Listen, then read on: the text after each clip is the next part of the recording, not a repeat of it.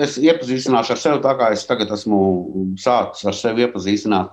Mani sauc Edijs, un es esmu cilvēks ar ļoti pretrunīgu pagātni un reputāciju. Es esmu trīsreiz dzīvē bijis nodzēries un nonarkojies tik tālu, ka tālāk nav kur, ka zemāk nav kur krist. Un es arī dzīvē esmu taisījis pietiekami nopietnas ziepes, Un tad, kad man cilvēks saka, kur nav taisījuši ziepes, tad es saku, nu, ticiet man, tādas kādas esmu taisījis, tādas normāliem cilvēkiem murgos nav rādījušās. Un kāpēc es šo daru? Tad nu, ir tas stāsts ir ļoti vienkāršs. Ja es, kā saku, ar savu pieredzi varu kādam palīdzēt neiegūt šādu pieredzi, tad man liekas, tas ir ok un pašsaprotami, ka es to daru, to, ko es daru šobrīd. Kā tu vispār nonāci no tā punkta? Par ko tu stāstīji no tā perioda līdz tam, kur tu esi tagad. Cik ilgs laiks ir pagājis? Es nekad neesmu skaitījis to, cik ilgi es neko nelietoju. Es zinu, ka ir cilvēki, kuriem ir jāveic, kuri veic šo uzskaiti, jā, pat pa dienām. Man tas nekad to neesmu veicis. Es pat īstenībā nevaru atbildēt cilvēkiem uz jautājumu, kā man izdevās visu pārtraukt, ja, jo es negāju nekādas ārstēšanās, neko. Jā, es esmu savā laikā provējis kaut kādus anonīmus alkoholiķus un tā tālāk, bet man beidzās īstenībā to, ka es vienreiz no tās sapulces izgāju ārā, iegāju veiklā, tur padās, paņēmu šmīgu un pielējos. Ja. Katram tā recepte ir sava, un, ja, nezinu. Protams, ka kaut kādā ziņā tas ir pateicoties tam, ka nu, loģiski tāds dzīvesveids atstāja graujošs šeks uz organismu uz veselību. Ja, nu, tas ir nu, neizbēgami. Un, uh, jā, bet nu, kaut kā vienā brīdī tas notika. Bija tā, ka, uh, kā es nonācu līdz šiem centriem, bija tas, ka uh, mēs taisījām tādus nekomerciālus kultūras pasākumus. Un, tur bija piesaistīti brīvprātīgie, un tad atklājās, ka tie visi tie apzinīgākie un tie centīgākie. Es negribu nonivelēt pārējos brīvprātīgos. Tas nebūtu tā nav. Ja? Bet bija tādi, kas bija tiešām nu, zvanīti, kad atkal kaut ko nu, tā un tā. Un tad šis te atklājās, ka tie ir ielu jaunieši. Bija tā, ka nebija doma, ka tie centri būs vairāki. Ja jau bija tas, ka mēs sākām tur viņiem mest, viņiem kaut kādā biļets uz kaut kādiem koncertiem, tad uz kaut kādiem muzejiem, tad tur uz biblioteku. Ja, tad mēs tur vienreiz aizējām kopā pāriest, otrreiz aizējām pāriest. Un, uh, tur kaut kādā veidā drēbēm palīdzējām. Ja? Nu, tad uh, radās tā doma, ka vajadzētu vienu tādu vietu, kur nu, viņi normāli varētu nākt, iet ikdienā un pavadīt šo laiku. Un, uh, lai nebūtu pa šīm ielām jāstaigā. Nu, tā tapa pirms bišķi vairāk nekā pusotra gada tapa Āgenskalna centrs, kas bija pirmais. Man pašam brīžam tas tā galvā neliekās kopā, cik tas ātrā uh, tempā viss ir izaudzis. Uz šo brīdi mums ir 13 centri, tuvāko mēnešu laikā plānā ir vēl 5. Un vakar parādījās vēl, ka ir nepieciešamība pēc diviem centriem. Nē, tā nepieciešamība Viņi ir visur, būsim reāli. Šī problēma ir pilnīgi visur. Lai ko kāds pašvaldības vadītājs tur stāstītu, ak, Dievs, cik pie mums viss ir labi, nu, būsim reāli. Šī problēma ir pilnīgi visur. Šī problēma būs vienmēr, lai kādā labklājībā un pārticībā nedzīvotu sabiedrība. Tas, cik ātri tas ir aizaudzis, noteikti parāda problēmu, ko mēs pirms tam varbūt ignorējām vai vispār neredzējām. Neredzējām, tieši šis ir tas vārds cilvēki pat nespēja iedomāties, cik liela ir šī problēma. Mēs esam ļoti pārņemti ar sevi. Ļoti liela daļa atbildības par šo jauniešu turpmākajiem likteņiem gulstas uz sabiedrības pleciem.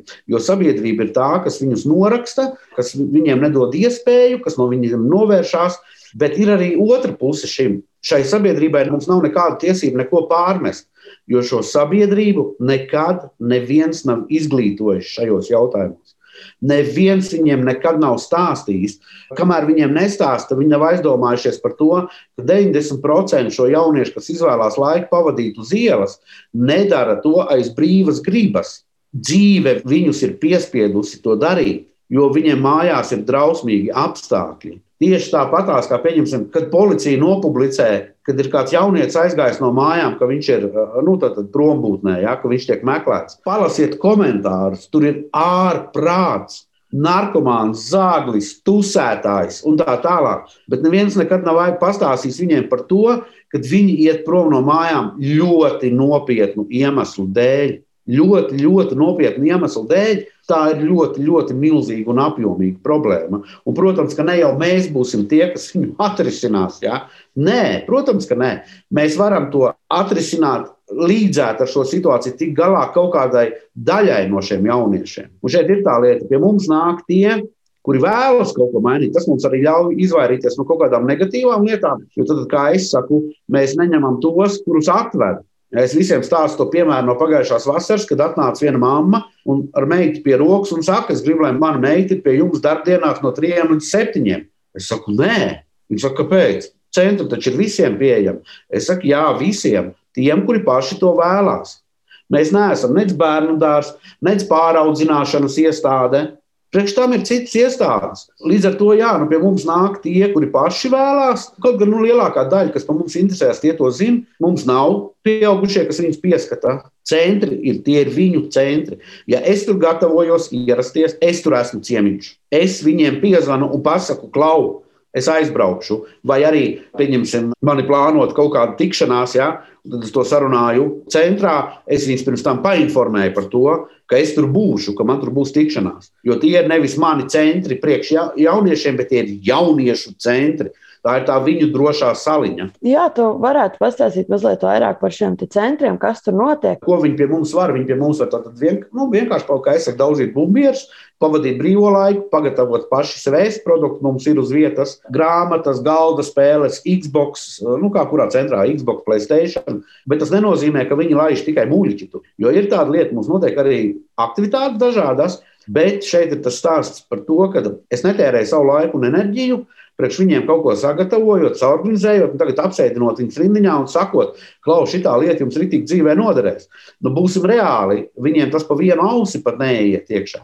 Tad uh, es viņiem saku, es saku, klau, ja jums ir intereses kaut kādas, ja jums ir vēlmes, sakiet, sēžamies pie galda, liekam galvas kopā un realizējam to. Un tad no viņiem ir pavisam cita atdeve. Viņi tam visā ieliekās ar, ar visu sirdi. Jo mums, pateicoties tieši viņu iniciatīvai, nāk mūziķi, mākslinieki, sportisti, pavāri, skolotāji. Mums ir tādi, kas ir atsākuši mācības. Viņi paši pieņem lēmumus.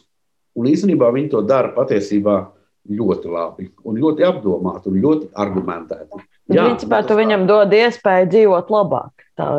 Jā, mēs viņiem dodam, mēs viņiem uzticamies un dodam iespējas. Un tad, kad man agrāk pārmeta, kā Edijs ar tādu pagātni var strādāt ar jauniešiem, tad es, es saku to, es saku, es nestrādāju ar jauniešiem, es nestrādāju ar viņiem.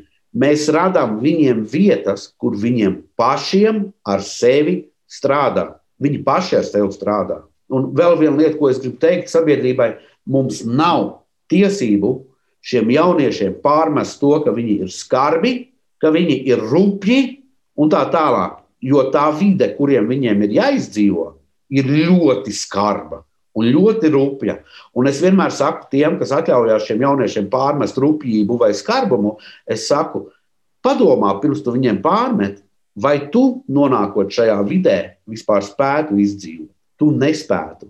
A viņi savos 13, 14 gados spēja. Es to gribēju arī prasīt, varbūt tur vairāk paraksturot, kas tad ir tas ielu jaunietis un kas ir tie apstākļi, kas viņu noveda līdz ielai. Mājās alkohols, narkotikas. Nevajag te uzreiz domāt, ka iela jaunieši no maznodrošinātām ģimenēm. Tas arī maldīgs uzskats. Nāk arī mums, pie mums no ļoti turīgām ģimenēm. Tur ir cita problēma, tur trūkst viņiem uzmanības un tā tālāk. Līdz ar to viņi sāk vandīties apkārt sāk taisīt gāzt podus, un, nu, un viss no tā izrietošās sekas. Nu, tas arī ir tāds īsais raksturojums. Ja? Nu, un vēl, kad man saka, jā, bet ir taču sociālais dienesti un tā tālāk. Nu, tad es arī saku, ka būsim reāli. Par lielāko daļu šo jauniešu oficiālās iestādes neuzzina. Pateikšu, kāpēc. Pirmais iemesls. Viņi ļoti labi zina, ka tik līdz viņš spērs soli jebkurā oficiālā iestādē, viņš tiks iegrāmatots. Un viņam tiek pateikts, Tagad notiks tas, tas, tas, mēs darīsim to, to, to, to. to. Un šeit ir tā problēma, kad ir jāsaprot, ka, lai kādi viņiem tie vecāki nebūtu, narkomāni, dzērāji, vienalga, tie ir viņu vienīgie vecāki, kurus viņi mīl un par kuriem viņi stāvēs un kritīs. Viņi nenodos savus vecākus. Un tagad pamēģiniet iedomāties, kas notiks, ja kāds no šiem jauniešiem tomēr saņemsies un aizies uz, uz, uz, dienas lūk palīdzību Un kas ir, tas nav pārmetums sociālajiem dienestam, pilnīgi galīgi ne. Tāda ir sistēma. Kas ir jādara sociālajiem dienestam? Viņiem jābrauc pārbaudīt ģimeni. Un tagad pamēģināsim iedomāties, ko tie vecāki izdarīs šo pusaudzi, kad pie viņiem aizbrauks sociālais dienests un pateiks, tā mēs atbraucam jūs pārbaudīt, ja jūs bērns bija atnācis. Nu, ka viņam ir tāda un tāda apstākļa.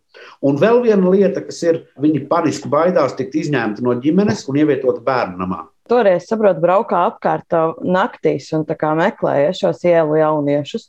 Nu, es, es zinu, kur tās vietas viņiem ir, kur viņi tusējās. Es aizbraucu pie viņiem, viņiem kopā uzpīpēt un parunāt.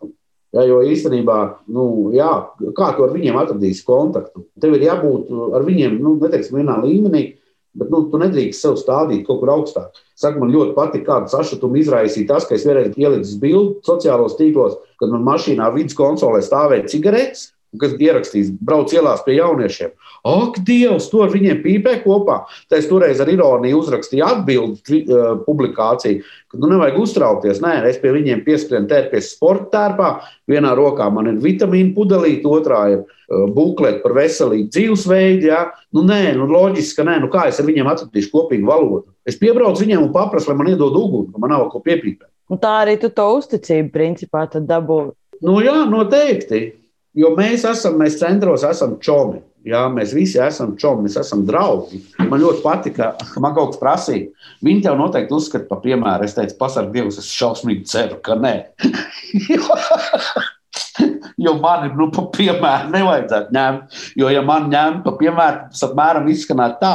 Nu, labi, ir ok, es tagad līdz 40 gadiem padzērstīšos, panarkošos, un tas sāks normāli dzīvi. Pasies viss normāli. Nu, nē, man par piemēru nevajag. Eh, es pilnīgi galīgi, un es zinu, ka viņi arī man ne, neņem par piemēru. Jā, jo tiem, kuriem ir interesējis, es esmu stāstījis par to, kā man tas ir beidzies un kādas tam ir veselības sekas, jā, problēmas un tā tālāk. Kā ir tu? Es pamanīju arī šīs pandēmijas laikā, attālināto mācību laikā, varbūt kaut kādas jaunas tendences, varbūt vairāk šeit iela jaunieši paliek vai tādas sakarības? Vairāk paliek, jā, jā, protams, viņi paliek vairāk.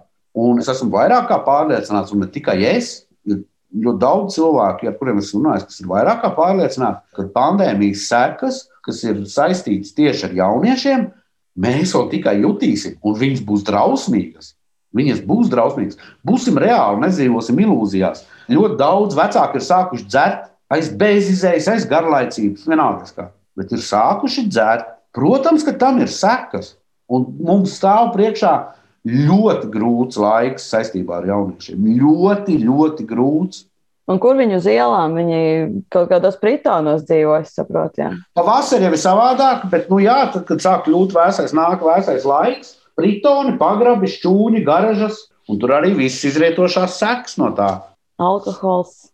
Ne tikai. Ja pie tevis vēršas kāds jaunietis, un viņš saka, ka nu, viņam ir kaut kādas tās atkarības problēmas, tu palīdzi arī atrast kaut ko, kā strādāt. Viņiem pie mums ir pieejami gan psihologi, gan atkarības speciālisti. Pie mums arī meitenēm ir pieejams ginekologu konsultācijas izmeklējumi, konsultācijas kontracepcijas jautājumos. Mūsu jauniešiem ir iespēja piezvanīt ārstam. Mēs sadarbojamies ar diviem ārstiem, jo viņiem ir kādas veselības problēmas. Viņi var pazvanīt, anonīmi parunāt un iegūt vismaz pirmo informāciju, kur viņam vajadzētu vērsties. Ja viņš pats to nemāķi atrast, tad viņš vēršas pie manis.